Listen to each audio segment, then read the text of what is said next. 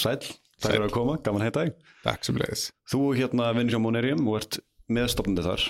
Yes. Hvernig byrjaði það, það ferli? Hvernig dættast inn í þetta? Já, það er nú kannski skemmtileg að segja frá því.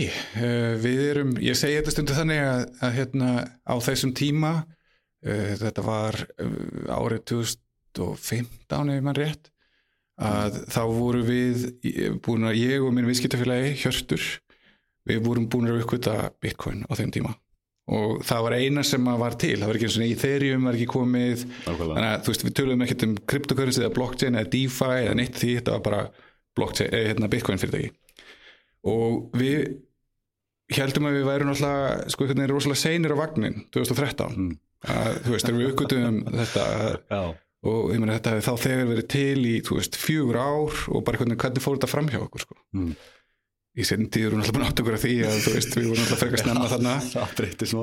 en mér tókst einhvern veginn að samfara hann um að þú veist, bara það sem við vorum að gera á þeim tíma, að við erum að hætta því og bara verða Bitcoin fyrirtæki. Mm. að þess að eitt af því sem ég hafði séð í rauninni að ég hafði unnið um stuttan tíma hjá verbreyðamilun Já, og við vorum svo lítil, við vorum svona boutík verbreyðamilun, þannig að við vorum sko bæði miðlararnir og við vorum það sem heitir front office og middle office og nánast back office veist, í stóru böngunum þá ertu með Akkurat. alls konar mismöndi fólki í þessari virðiskeðju sem allt frá því að viðskiptin eiga sér stað og þangallega búið að gera þetta allt upp. Þannig að við fengum alveg svona eins og ég segi svona first class sæti inn í ekki bara viðskiptin heldur uppgjöru líka. Og Já. það sem að kom mér alltaf svo óvart er rauninni bara hvað það var þunglamalegt og, og kjánalegt sko. Og rauninni bara ótrúlega magnað hvað var hægt að gera. Þú veist bara svona the, the human inge- ingenuity ekki með betri tækni þannig að akkurat. þegar ég uppgötaði Bitcoin á sín tíma þá sá ég bara mjög fljótlega þetta er bara pjúrli betra heldur en það sem við erum með Mm. fyrir þetta Mm. og jú, jú, þetta er, þú veist, allt kjánalegt eh, þarna líka, þú veist, þú ert með þú veist, eitthvað veski og public og private key og þú veist, það voru alls konar nýja hluti, skilur en, en Algjörlega. ef maður fór bara að hugsa um þetta þá, þá voru hlutir, það voru ákveðnir eiginleikar sem gerðu það að verkum að þetta var bara betra heldur en það sem var og eitt af því sem að, mér fannst vera stóra atriði er það sem að kallast í gamla heiminum delivery versus payment sem er það að geta afhent einhverja stafræna eign í skiptum fyrir aðra. Akkurat. án þess að einhver eigi möguleika því að hlaupa í burtu með peningin eða verbreyfin Mm. þannig að ef þú átt verbreyf þetta er ekkert máli ef við verum með físiska hluti að þú heldur þetta á símanuðinum og ég er með kass. Mm. við getum hist hérna og þú lætum að hafa símaðin og ég að hafa kass og þetta gerist bara hér en þegar komið stafræna hluti eins og allt er orðið stafrænt verbreyfi í dag eru öll stafræn Mm. þá fyrir að skipta rosalega miklu máli hvor byrjar, hvor er undan.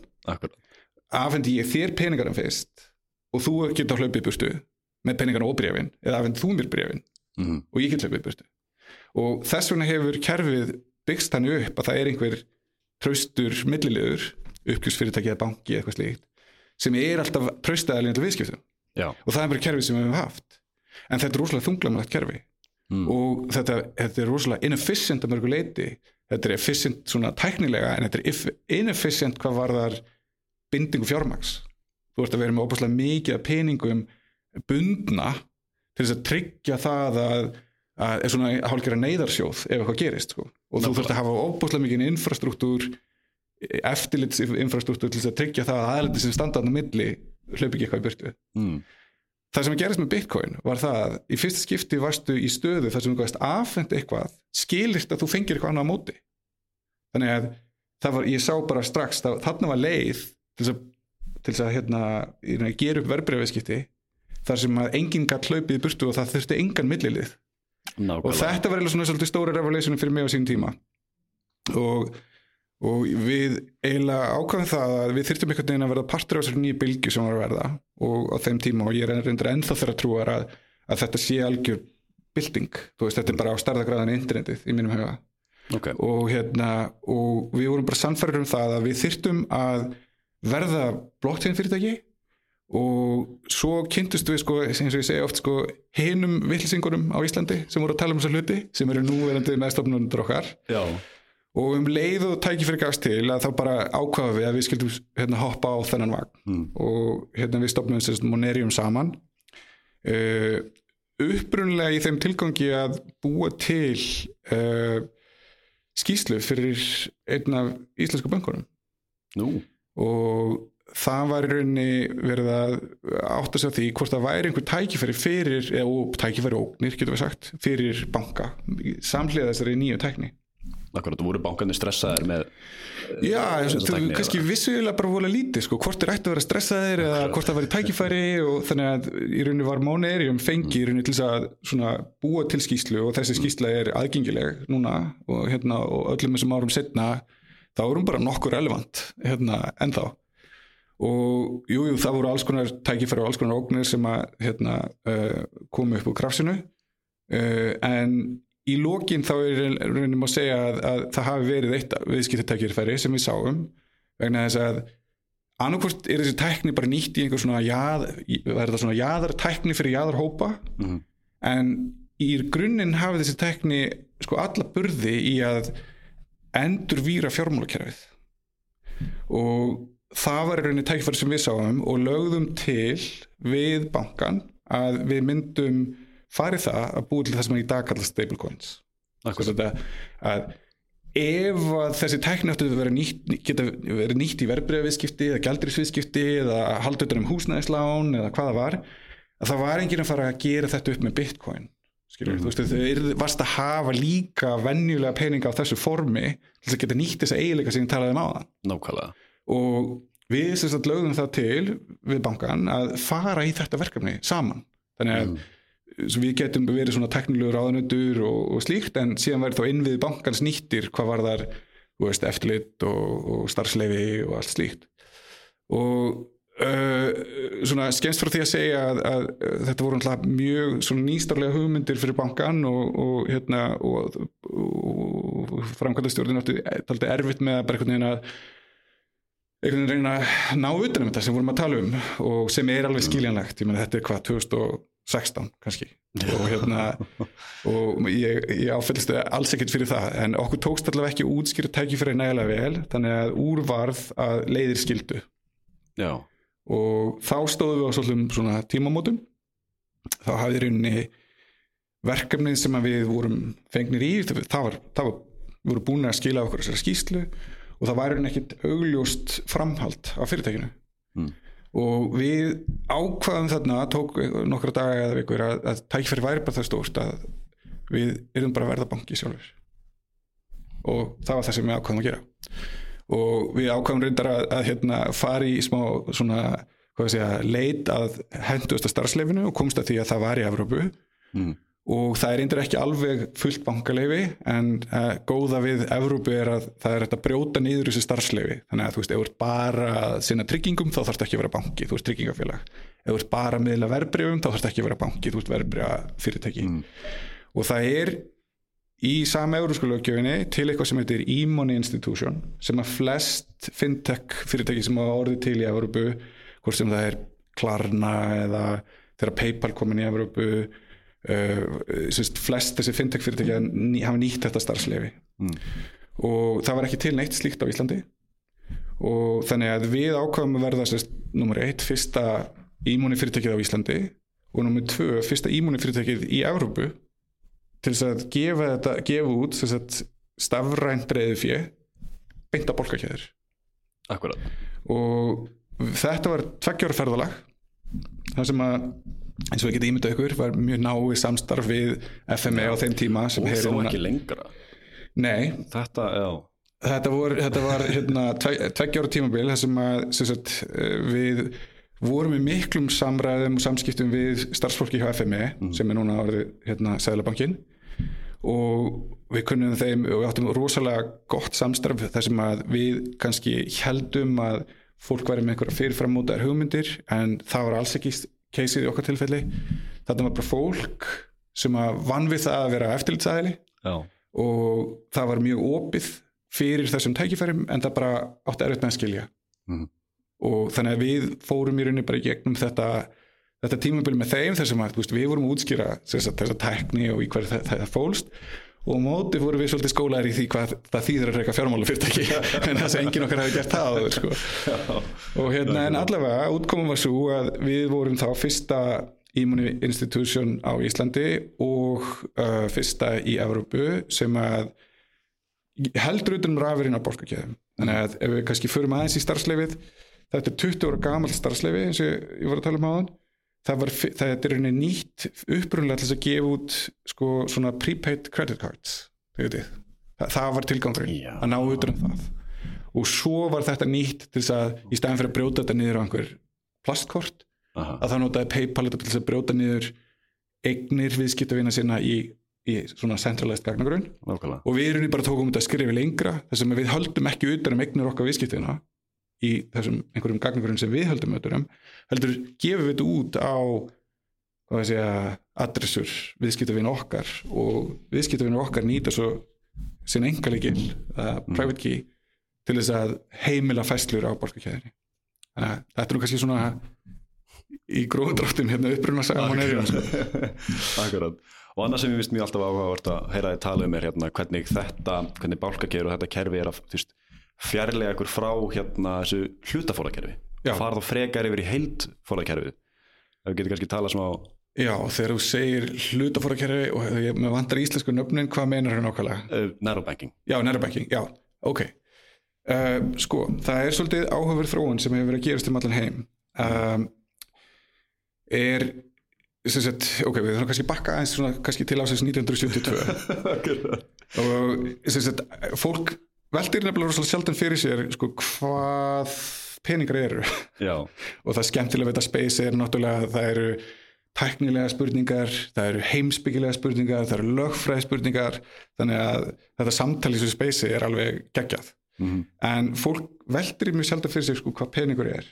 Og Nákvæmlega. fram til sagt, 1972 var ákveðin tenging við raunheima. Það er að segja að það var gullfótur sem þýtti það að þú gast alltaf breytt hefðbundu peningum í gull Mm. og það var ekki hægt að að í rauninni auka peningamagn í umferð með, með auðvöldum hætti vegna þess að það verði alltaf verið að breyta því í gull akkurat. en þannig að kringum 1972 að þá er þessu kerfi breytt og, þessi tengslurinn rofin Mhm. og síðan þá hefur peningamagn í umferð aukist mjög mikið Já. og, og það, það, það, á, á svona góðaristímum þegar tr- traust ríkir að þá er þetta af hennu jákvæða það er að segja þetta er meira efficient kerfi Mm. það er þú, þú, þú getur verið með lægri vexti og annað en svo fáum við alltaf reglulega einhverja sprengingu í andlitið þar sem að traust mingar Mhm. og, og hérna og, og þá kemur ljós að kerfið er kannski ekki mjög resilient það er að segja þe- þe- þetta hangir svolítið með það að þessi tröst í viðskiptum Akkurat. og við erum alltaf einhvern veginn, þessi pendull er alltaf einhvern veginn að sveiflast fram og tilbaka og alltaf þegar að kerfi springur þá erum við alltaf að leita í áttina einhverju meira tröstara og svo þegar allt leikur í lindi þá verðum við að leita einhverju sem er efficient Já. og það sem hefur verið að gerast síðustu árin er rauninni að peningamagni umferð er alltaf aukast, aukast, aukast og við sáum þetta, þú veist, núna nýlega bara í COVID, þar sem að laust pólitikusa var að prenta meira meira pening, sem sennilega hefur skilað verðbólgutölunum sem við erum að sjá núna og það sem að lausnin við þessu allavega til þess að ná einhvern veginn tökum á þessu ástandi er að fara meira í það sem að þú kallar narrobanking Mhm. og Monerium er í rauninni bara út frá starfsleginu sínu um, sko narrobank. Það er að segja við getum ekki breytt peningamagn umferð. Við getum ekki prentað peninga. Það eina sem við gerum er að við tökum við fjármagni frá okkur viðskiptavinum í gegnum bankakerfið. Við tökum það peningamagn úr umferð í rauninni, þannig að það er ekki aðgengilegt neinum og gefum út þessi tókan á móti. Akkurat. þannig að, þannig að okkar við veitum engin lán eða neitt slíkt Mhm. þannig að þegar það kemur til dæmis að því að við komum til vil innleysa júr í eða efrutna sínar sem við gefum út Já. að þá er það ekkert mála þegar við eigum alltaf fullan forða til þess að afhenda kúnanum þannig að sagt, það er engin leið að við lendum í uh, hvað að segja, eða það er allavega mjög mjög takmarka líkur á því að við lendum í svona bankrön eða bankáhlaupi þannig að við sinnum því bara ekki Mhm. þannig að þetta er, þetta er bara svona þróun sem við séð uh, gerast líka um allan heim uh, við sjáum að, að fyrirtæki til dæmis bandaríkjunum er í auknum mæli að fjármagna sig í gegnum sjóðakerfið mm. fram hjá böngunum og þannig að þe- þetta er bara þróun sem er að gerast og, og, og kannski á einhvern tíma punkti snýst hún aftur við og við förum í hináttina sko. ég átta mikið á því Já, það er hérna þjónustan hjá ykkur í Moneri hún er frí, er það ekki? Þið er ekki að rukka fyrir Nei. hvernig tekst ykkur að gera það? Sko, það er nefnilega, það skemmtilega við þetta er að, sagt, rafiris fyrirtæki, það, og þetta er pínu óheppileg þýðing í íslensku og, og hérna tungunni, er sagt, þetta rafmynd er akkurat og rafeirir sem er nákvæmlega sama, er bara alls ekki það sama. Nákvæmlega, Það er hefbundi peningar á rafrænu formi. akkurat Þannig ég verið að reyna að nota bara orðið ímóni til þess að yfir það sem við erum að gera. Uh, eins og ég var að segja, þá megum við ekki veita neinn lán Mhm. Þannig að við erum vörslum bara undirliggjandi verðmætti frá okkar kúnum á reikningum sem eru aðgrindir frá reikningum fyrirtækisins. Mhm. Þannig að e, við, mm, sem þar sem við, við getum varslað á þremur mismöndu stöðum, Mhm. við getum varslað á vörslureikningi hjá annari bankastofnun, Já, við getum fjár, eh, sagt, ég, fjárfest eða, eða parkerað þessum upphæðum á, í, í, sko segja bara í ríkisvíkslum sem er svona hérna örugasta formið. Akkurat. Og svo í sjóðum sem að eh, hérna fjárfest er ríkisvíkslum Akkurat, og þessir staðir sem við vöslum geta borið einhverju vexti, þú veist, Mhm. 1%, 2% og nákvæmlega. þannig að við lifum í rauninni á eins og fjármálstofnunir vaksta muni á sagt, því sem við getum hérna, ávaksta þessa undirliggjandi eignir á og núli vegna þess að við megum ekki borga viðskiptavinum okkar neina vexti. Akkurat, það væru innlán eða innstæður. Þannig að það er munurinn Mhm. en já, þannig að við, við sagt, getum veitt okkur þjónustu hérna okkipis uh, veg, út af þessum ástæðum. En við erum okkar tekjur af peningur sem við vörslum fyrir hönd okkar kuna Akkurat, heldur að hérna eh, bankar neyðist til þess að viðskiptabankar í dag heldur að neyðist til þess að fylgja eftir núna næstunni þegar þessi tækning kemur upp þeir eru náttúrulega með sína viðskiptabanka mynd náttúrulega sem er, þú veist ekki sko, sko, neinu. já, ég held sko, þessi spurning er náttúrulega pinnur hlaðin, sko, munu bankar fara meira í þetta narrobankmódel þú veist, eins og ímóni í lögjöfin er? Ég held ekki. Nei, en ég held klárlega að bankar munu taka upp þessa tækni á einhverjum tímúti og bankar munu gefa út sínar innstæður á þessu formi. Og ég held að, að hérna uh, það, veist, ég er búin að vera að segja þetta í svolítið tíma hérna, ég er bara lært að, reyna að taka út einhvern svona tímafaktor. Þú veist, þetta tekur alltaf lengri tíma heldur en ég held en ég er samt algjörlega sannfæður um það að, að þessi tekni, þú veist, það, það verður ekkit sem, að, sem að getur, getur keft við þetta. Og Akkurat. bankandi munu sógast inn í þetta einn af öðrum en það er eitthvað aðeins í það. Mm heldur þau samt að hérna, eins og með rafmyndir, þú veist, heldur að það eigi sér eitthvað framtíð, eins og bitcoin sem einhver alþjóða gjaldmiðl eða eitthvað slíkt. Sko, já, nei. Já, nei, já, eh, sko, ég skal fara í það. Uh, ok, bara til þess að hafa það alveg skýrt, sérst, Monerium síslar ekki með rafmyndir eða kryptokörnsi við erum í reyni engungu að nýta þessa tækni sem innviði fyrir hefbundnar myndir. Akkurat. Ok, hafandi sagt það, þá var allir okkar skoðun á kryptokörnsi og fyrir mér er það óbúslega áhugaverður eignaflokkur. Mm, og ég held klárlega að hann verði til og hann verði bara mikilvægur og mikilvægri mm, og okkur segi ég það, ég held bara og skoða bara eina kynslu á eftir okkur. Veist, og ég spyr bara hvort heldur það sé líklegra að einhver sem er kannski tíu ára í dag mun eignast kryptokörsi sem sína fyrstu eign eða hlutabrif eitthvað slíkt. Mm. og svarið mínum er bara augljóst. Veist, þetta er bara pjúli digital hérna, eign akkurat. sem að er aðgengileg 24-7 Mhm. það, þú veist, þetta, þetta fittar þetta passar inn í allt þetta segja, alla þessa þróun sem er eigast í stað. Þannig ég held að um leið og kynnslóðin sem eru núna krakkar verði okkar aldrei að, að þá verði þetta ríkjandi form.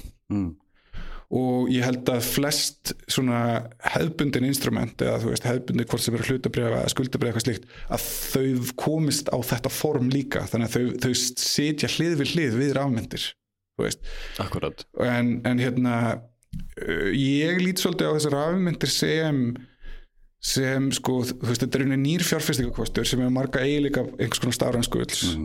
og ég meina gull hefur verið með okkur í aldanaraðir uh, það hefur ekkit óbúslega mikla nótkun í rauninni. Þetta er í rauninni aðalega nota til þess að parkara peningum á einhverjum óvissu tímum. Og ég held að kryptocurrency verði meir og meir notað í þeim tilgangi. Ok, ég held að við munum sjá ég var, var óbúslega skeptiskur á, á það fyrir nokkrum árum síðan en mm. það er að segja sko, það sem ég er að fara að segja núna.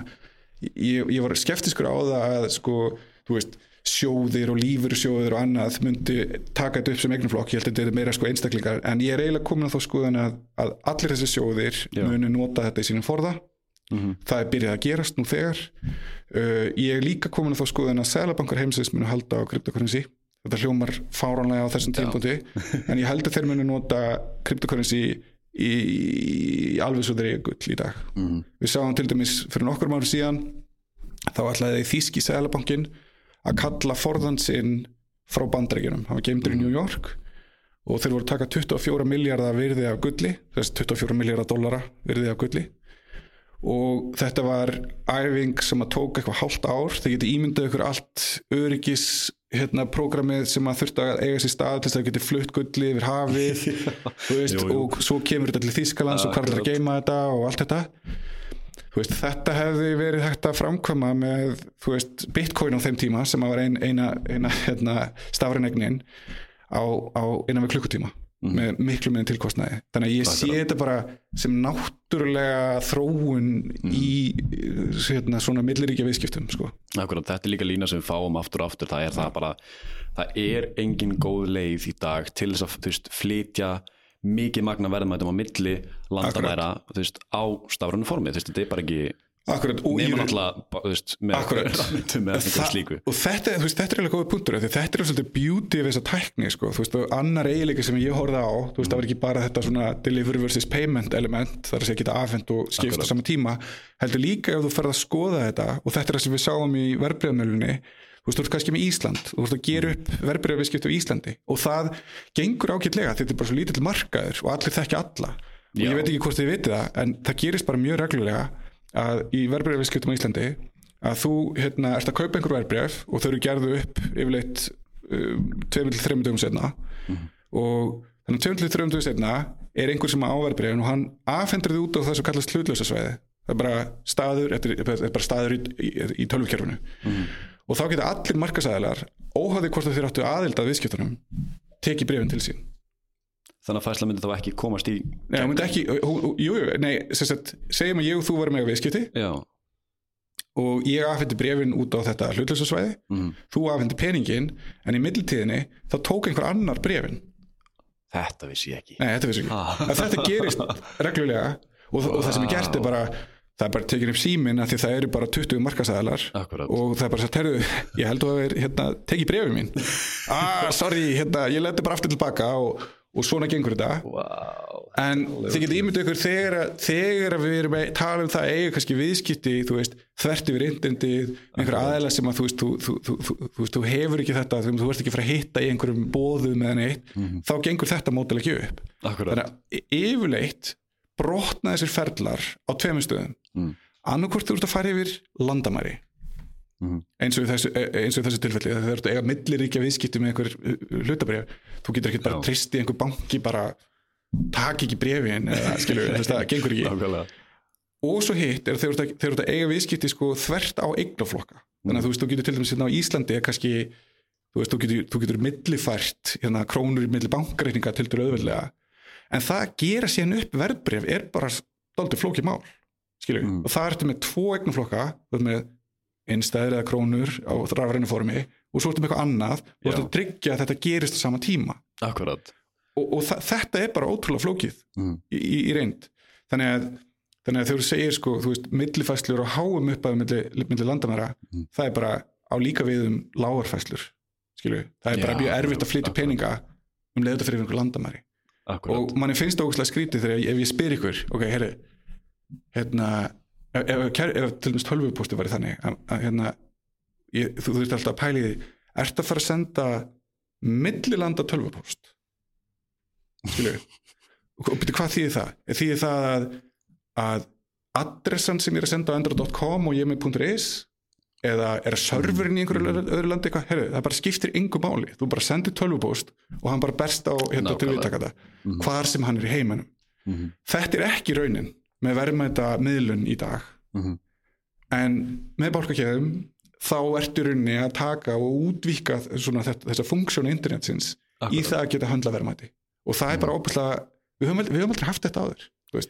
Já, og það sem við gerir þetta ennþá svona ótrúlega finnst mér, þú veist sko, er náttúrulega með bálkakeðjum. Þú tekur dæmi með tölvupóst eins og með tölvupóstin, þú getur valið þinn, þína þjónustu. Já. þú veist, þú þarft ekki bundin við Gmail þú ert ekki bundin við Outlook. Akkurat. þetta er bálkakeði, þá get ég verið þú veist, þú getur verið að nota Trust Wallet ég getur verið að nota Metamask, skiptir engu máli. Akkurat, og þú getur líka skipt. Þú getur byrjað að nota Metamask og hoppa yfir í. Já. og þetta er líka sko, hérna, eitthvað sem held ég sé alveg svirðið að spjalla þessu um. Mhm. að því að, og ég fæ kæsa það núna þegar ég er að tala um þetta. Þetta er ákveð aha moment sko. Þetta er ákveð aha moment. Og, og hérna, fyrir marga sem hafa ekki alveg fatta þetta ennþá að hérna, sko það sem ég reyna ofta að segja í þessu samhengi er að ef þú skoða til dæmis bara Ísland og skoðar Já. þú veist, stóru viðskiptabankana þrjá og er það þess að pæli því hvað þeir eru að gera á daginn.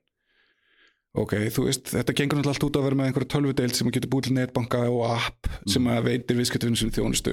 Þú veist, þetta er að þróast í þátt ok, og hver er munurinn á landsbanka appinu og Íslandsbanka appinu það er unni engin munur þannig að það séð en íslensku bankarnir eru og hafa verið einhver stærstu hugbúnarhús á landinu þú veist, núna í áratví og það er allir að gera það sama. Akkurat. þannig að þú veist þú ert að til app, þú ert að til app og þú ert að til app. Það er allir að, veist, við, þetta er rosalega inefficient það er pæliði Já, og, og síðan getum við tekið þetta með þess að ennþá lengra? Getum við spáðið, ok, svo átt þú hérna innistæður í einhverjum einum banka. Og jú, jú, þú getur vissilega verið með bankareikninga á, á tveimur stöðum en til þess að fara á milli þá þarftu reyna að, að höldum að áfram, ég ætla, ég ætla að taka annað dæmi. Já. ok, þú getur fjárfest hjá bankaneðinum í einhvers svona sjóði, peningamarkasjóði eða einhverju slíku. Ok, þú spáður ég það í, ef ég er viðskipturinn í Íslandsbanka þá get ég fjárfest í peningamarkasjóði hjá Íslandsbanka. Mhm. Ok, það er einhver sjóðstjóri sem er að kaupa einhver bref ef þú ert í landsbankurum þá er einhver annar peningamarkasjóð þar sem er að gera nákvæmlega sömu hluti. Halda utan um þetta, gera upp sjóðin bla bla, kaupa sömu brefin og hinn er að gera basically. Þannig að það er ofbúslegt redundancy í þessu kerfi. Og það er allir að gera það sama. Já, og fyrir 300 manna þjóð meikar þetta er þannig, þannig að sko ef, við horfum þess að mótilið sem að þú veist, kryptocurrency komið það flippaði þessu öllu við Mhm. það sagði, heyrðu í staðin fyrir að þú fáir bankareikning útlutaðan frá bankanuðinum Mhm. þá býrð þú til reikningin og þú kemur með reikningin í viðskipti á hinu þessar staði og þú Akkurat. ge- hefur valið um það, nummer eitt, að nota mismundi veski þess að managera þessu þannig að þú importa þinn prívatlikil, þú veist, með Nomex eða hvað það er í þetta veski og svo fyrir eitthvað annað veski og þú ert með sam, sömu stjórn á eignuna þennar þar. Það getur vel verið að þú kjósir eitt veski umfram annað af því að þú byrjaði með eitthvað sem var rosalega þægilegt að nota því að þú varst með litlar upphæðir. Svo þegar þú ert komin í stærri upphæðir þá getur, getur bara fært yfir eitthvað annað veski Akkurat. sem eru örugara fyrir, fyrir stærri upphæðir. Og, þannig, að, þannig að sérhæfingin verður svo miklu miklu meiri. Mhm. Og samkeppnin verður svo miklu meiri, miklu meiri. Nákvæmlega, þetta hljómar eins og þetta muni neyða þá akkurat þjónustu hérna, Akkurat. veitanda að, að búa til betri og betri þjónustu því að það er svo Akkurat. auðvelt fyrir kunna að hoppa á milli. Akkurat, Í dag er það bara, það er ekki hægt. það er vesen. Akkurat, og þess vegna þú veist við skoðum hvernig þú veist þetta mun þá heimfarast yfir á bankakerfi er að þú veist það verða sjóðir þú veist sem er að fjárfesta í fyrirtækjapapír eða eitthvað fyrirtækjaskuldabrjöfum, Akkurat, en það verður alveg óháði hvort að þessi sjóður er rekin af bankanum, þú ert bara með tókeninn Mhm. í veskinu sem þú ákveður Já. og það skiptir ekki máli, þetta væri bara eh, þetta væri eins og í dag, ég geti verið með Íslandsbanka appið og ég geti séð sjóðin sem ég á í landsbankanum þú veist, Mhm. og það er bara engin kvati í fyrsta lagi fyrir bankan að gera þetta í dag Mhm. og nummer tvö, þetta er eiginlega bara tæknilega mjög erfitt sko. með tækninu sem við erum með ja, sem er í Akkurat. nútíma um þannig að það að snúa þessu mótilalók fólk er huge. Og fólk er ekki alveg að tengja við þetta veist. Og hérna, en þegar þú búin að sjá þetta í fyrsta skipti þá, allavega mín, hjá mér þá var bara svona það, það var bara svona aha moment, ég er með eitthvað eitthvað secret sem er einhvernig fjärstring á það að geta stjórna verðmætum í gegnum einhvern hugbúnað. Mhm. og þetta er geggjað sko. Þetta er það, alveg klárlega Hvern, hérna, hvernig sem notandi, hvernig myndi notandi byrja að nýta sér Monerium þjónustuna? Er það flókið ferli eða hvernig Já. fer maður að því? frábær spurning sko við náttúrulega obsessum yfir þessum hlutum Mhm. ástæðin fyrir því er að þetta er náttúrulega allt frekar weird Mhm. veist fyrir fólk þannig að eitt af því sem að þessi geiri þarf að ná betri tökum á er að gera þetta einhvern veginn aðgengilegra fyrir fólk og Já. við erum að reyna að leggja okkar að mörgum í því Mhm. þannig að það sem við áttum okkur eiginlega á það voru svona þrý hlutir sem við þurftum að ná tökum á áður en að við gáttum fara að veita þess að þjónusta einhverju veiti Númer eitt, þá þurftum við að ná utan um svona þessa eftirrit skildu starfsleifis pælingar allar. Þú veist, af því að ef þú veist ekki hvað þú ert með þá getur ekki farið að bjóða almenningi þetta og þetta er einhvern veginn bara einhverju jaðar hugmyndir og jaðar hópar að við, það var ástæðan fyrir við fórum og fengum starfsleifi eins og við tölum um áðan. Mhm. Númer tvö sko, bálkakjarnar eru þannig að þú ert með í rauninni það sem heitir á ennsku bara svona shared state Mhm. þú veist, sem er mjög ólíkt því hvernig bankar virka. Þar sem að hver banki fyrir sig heldur utan um einnstæði sinna viðskiptavina og ef þú ætlar að fara millifara á milli banka þá fer á stað mikla skeitasendingar á milli bankar um það að, að afstemma þessa hluti af. Og það er rauninni það sem að bálkakjarn gerir fyrir, fyrir fyrirtæki og ístaklinga bara sjálf afstemmandi kerfi. Beautiful. Og en ef að það er einhvern veginn lifi bara sem einhver ein eiga þá ertu með það sem ég segi stundur svona þetta n plus one problem, veist, þá ertu með allir þessi data silos, veist, alla bankana sem haldi utan að sína gangurina og svo ertu bara með bálkakjöðina til viðbútar við allt annað, þannig að við lögum uppvæslega mikla áherslu á það að geta tengt þetta saman. Og þar kemur inn eða svona það sem er kannski hvað mest innanverandi hjá okkur er að þegar þú kemur í viðskipti til okkar og við erum að fókusa á sagt, evrur fyrir evrubúa Mhm. að þá kemur við þitt veski eins og við tölum um aðan Já. í viðskipti veist, við látum þig ekki fá skilur wallet adressu, þú kemur bara með þitt veski og þú Akkurat, tengir veski við okkar þjónustu Mhm. en til viðbútar við það þá gefum við þér annars konar reiknisnúmer þegar þú kemur í viðskipti og það er svo kallu IBANs sem er ekki Mm. mjög vinsæl á Íslandi þó svo að allir íslenski bankareikningar séu í grunninn líka IBAN-reikningar að þá er þetta formi sem er notað í Evrópu Mhm. þannig að þú kemur með veskið þitt þú tengið það við þjónustun okkar og þú fara IBAN Mhm. og þessi IBAN-reikningur er í þínu eigin nafni það er, segja, það er ekki í nafni Monerium það er í þínu persónlega nafni Já. hvað afleðingar hefur það það gerir það að verkum að ég get sendt núna, ég get farið þú veist í einhvern banka sem að sísla með efurur ég nota til dæmis Revolut þegar ég er að demoa Mhm. ef þið þekkir Revolut þá er það svona efurusku neobanki hefur í rauninni ekkit mikið með bálkakeður að gera en eru, eru, að, eru að veita sérst, svona bankaþjónustu og ég get millifært tíu efurur frá Revolut bankareikningum mínum Mhm. yfir á IBAN sem að Monerium hefur gefið út og það byrtist í veskinu mínu Mhm. þannig að við erum gjörsanlega búin að samtengja þessa tvo heima í gegnum þessu IBAN reikninga Já. þannig að á tíu sekundum getum við flutt peninga þvert yfir að vörubu innan bólkakæðara Mhm. og þetta er, það er engin með uh, þessa getu Þú veist, það er að segja, þetta, þannig erum við bara hérna, leading, world class. Mhm. og, og ég, kemur alltaf að segja það en þú veist, það er bara þannig. Og hérna og svo sérst, þá er líka í hináttina þá getur getur líka ferðið út á sama hátt. Þannig að ef þú átt núna eitthvað í veskinniðinu þá getur þú, þú getur auðvitað nota þetta on-chain, í DeFi við getum talað um allt það sem er áhugavert en þú segjum til þess að þú þurfa að borga húsaleginu eða tannlækninu eða whatever þá getur líka bara framkvæmt millifæslu Mhm. og þú gerir það bara úr walletinu þinu þú bara framkvæmum walletfæslu þú sænar þetta með þínum prívatleikli og buff, við sjáum um að koma þessu á bankareikningi á tannlækninu Akkurat. þannig að þessi tveir heimar eru bara að blandast mjög náttúrulega vel saman Mhm.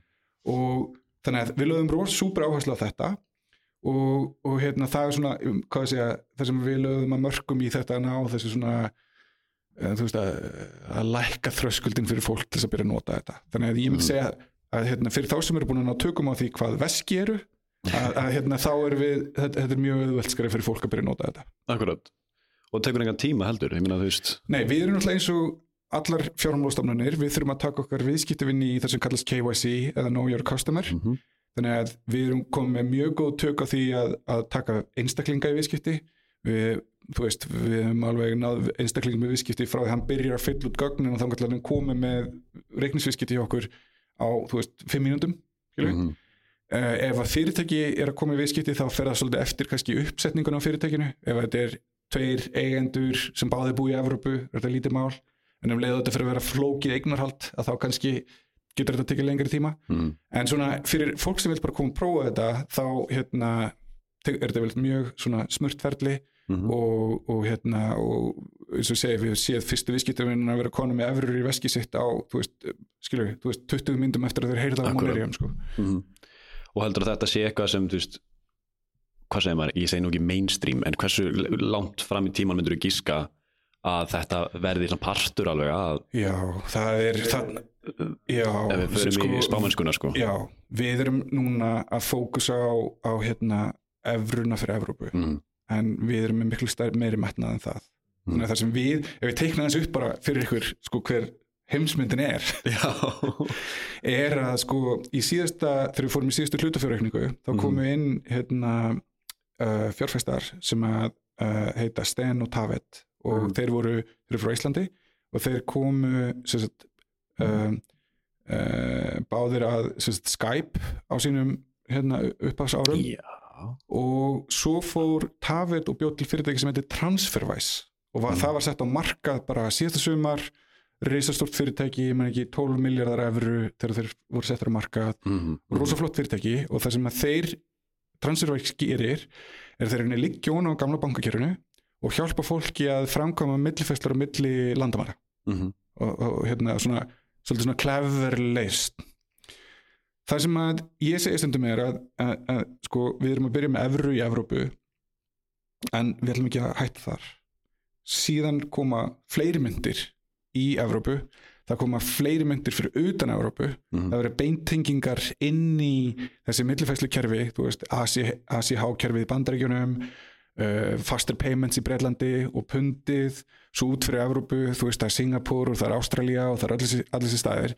Þannig að það sem að við erum að byggja er þessi, þessi innviðir þar sem að þú getur á súper auðvöldan hátt basically uploada peningunum þínum úr bankakerfinu upp á bankakerfina þá ertu komið með í rauninni innviði sem að, sem að þú getur millifært borderless á milli landa ekkert mál og svo getur þú downloada peningunum aftur í sín Mhm. jurisdiction og við erum að koma þessum infrastruktúr í hendurnar á fólki sem er að búa til vörur.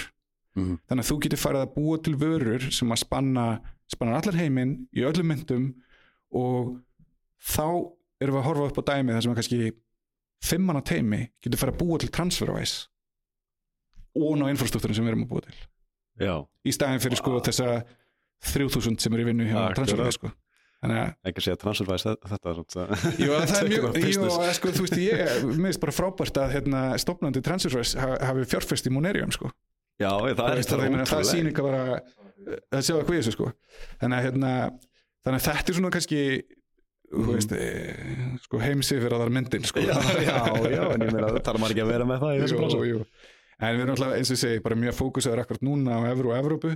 Ég veit kannski varst að spyrja meir um sko, hvena verður þessi tekni meira mainstream og fólk almennt er að byrja að nota þetta Mhm. sko, ég, eins og ég var að segja á þann sko, fyrir mér er þetta bara svo augljóst að, að hérna, ég held alltaf að þetta sé bara að fara að gera sko.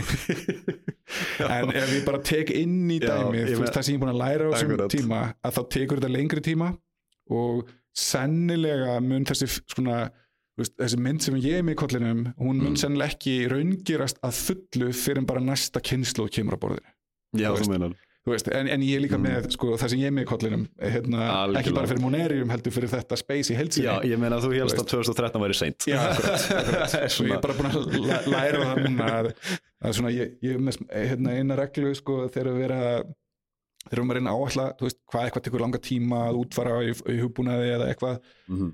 að, að, hérna, að alltaf að markvelda með pí þú veist, alltaf Já. tíma áætlanir Ok. og deila með pí þegar kemur einhverjum sko, tekju áætlanum og einhverjum slags og ef það meikar ennþá sens, þá er það svona faktor tíu frá ef það meikar ennþá sens, þá, þá skal það fara að gera það sko. Ok, Þannig að ég þarf að finna einhvern nýjan fasta til að markvalda með hérna, fyrir þessa heimsýn sko, sem að um. Það er eitthvað sem er ekki hægt að gera það var að sjá fyrir um fucking óbræð En svona í grunninn, þú veist, þá er ég bara, hvað ég segja, eh, veist, mér finnst þetta bara svo augljóst. Veist, þetta bara, þetta, þetta er bara, þetta hlýtur að gerast. Sem er svo fyndið að þetta akkurat, við heyrum þetta frá öllum. Já. Þess, það er allir, allir sem eru í þessum bransa er, að vinna með þessa tækni, þeir eru bara svona veist, þetta er bara, þetta segir sér sjálft. Já. ef þú ber þetta saman við núverandi kerfi þá er er unni augljóst hversu mikið betra þetta er. Akkurat, og, og meiri segja, þú veist, við, eins og við vorum að tala um aðan, það eru, þú veist, það eru hluti sem er ekki náttúrulega fyrir fólk, þú veist, Mhm. hvernig managerur, þú veist, prívatleikilinn og allt þetta. Mhm.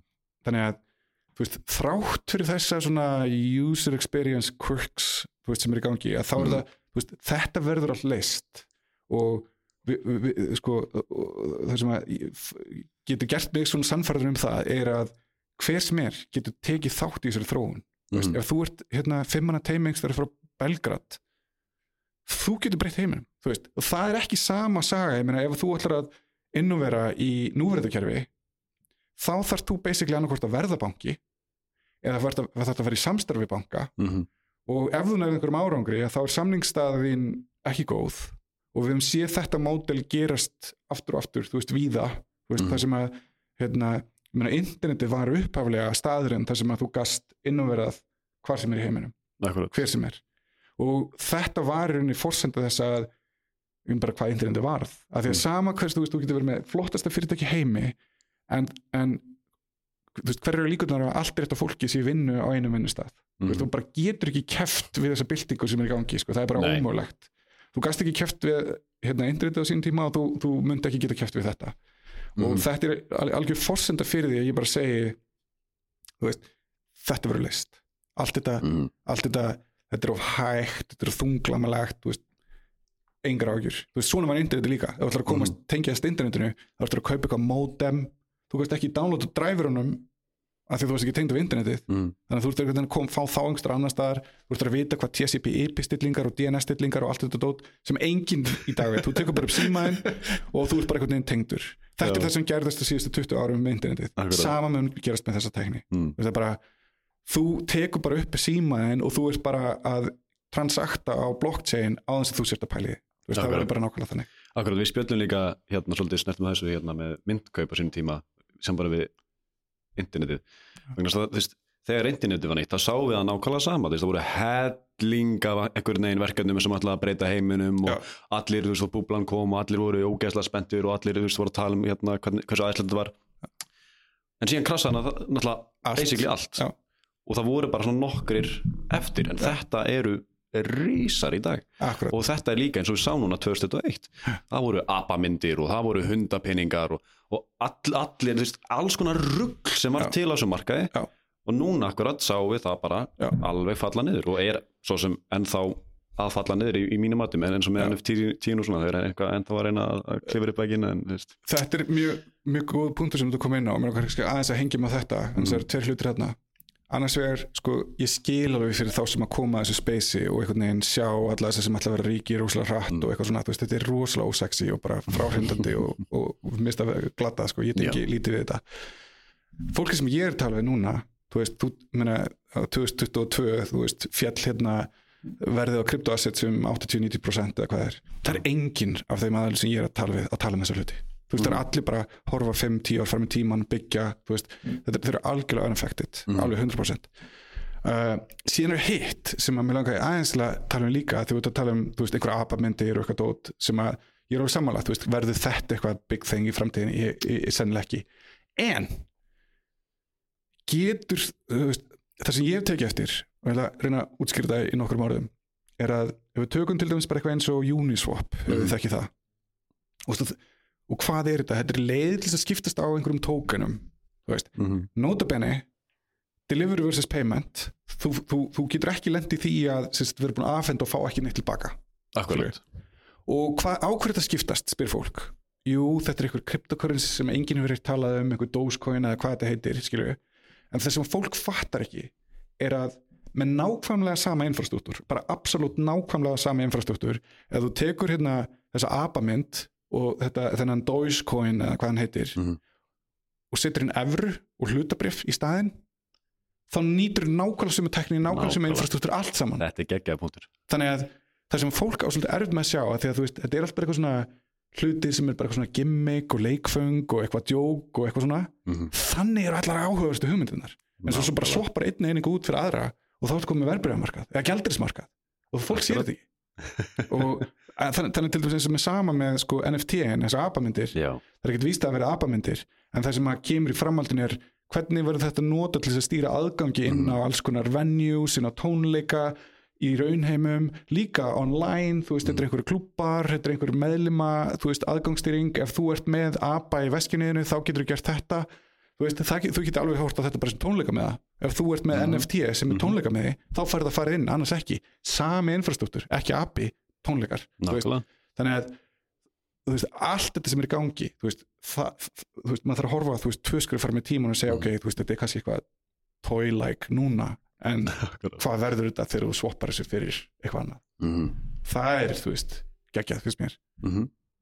Ég held að þetta sé bara fullkomur stað til að enda þetta. Já, bara geggja gaman að fá þig geggja spjall. Gaman að vera með fyrir. Já.